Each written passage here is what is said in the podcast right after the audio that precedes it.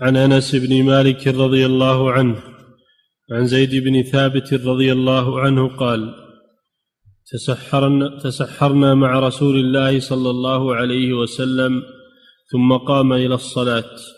قال أنس قلت لزيد كم كان بين الأذان والسحور؟ قال قد قدر خمسين آية. نعم هذا أنس بن مالك خادم النبي صلى الله عليه وسلم يسأل زيد بن ثابت رضي الله عنه لأن زيدا كان يأتي عند الرسول صلى الله عليه وسلم. يأتيه في الليل وفي النهار لأنه كان يكتب الوحي. كان زيد بن ثابت كاتبا للنبي صلى الله عليه وسلم. يكتب له الرسائل ويكتب الوحي رضي الله تعالى عنه. وكان شابا ذكيا.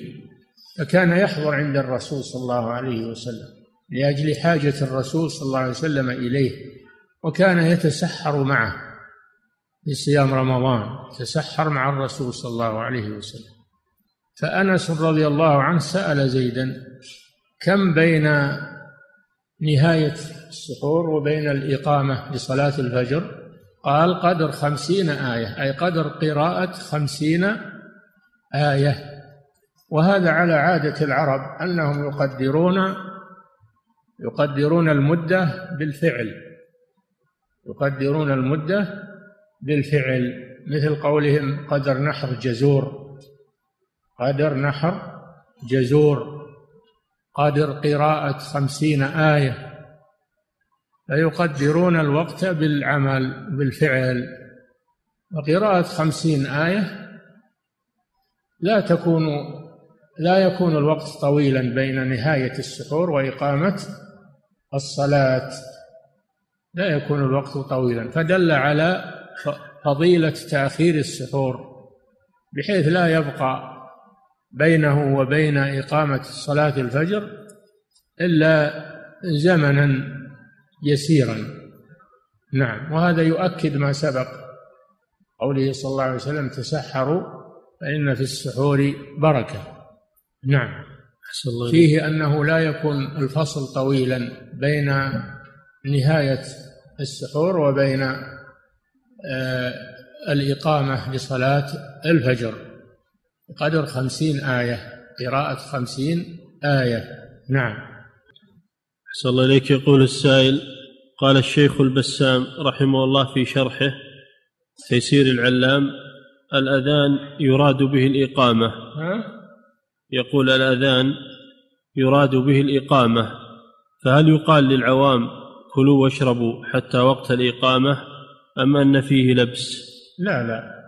المراد بالأذان الذي على طلوع الفجر والإقامة تسمى أذان لكنها أذان خاص. إذا أطلق الأذان إذا أطلق الأذان فالمراد به الأذان الذي على دخول الوقت. والإقامة تسمى أذانا ثاني الأذان ولهذا قال صلى الله عليه وسلم بين كل أذانين صلاة يعني بين الأذان والإقامة صلاة نافلة. لكن إذا أطلق الأذان فالمراد به أذان الوقت وليس الأذان لإقامة الصلاة. نعم. والحكم يتعلق بالأول الصيام يتعلق بالأول ودخول الوقت يتعلق بالأول. فلا يجوز أنه يأكل ويشرب إلى أن تقام الصلاة؟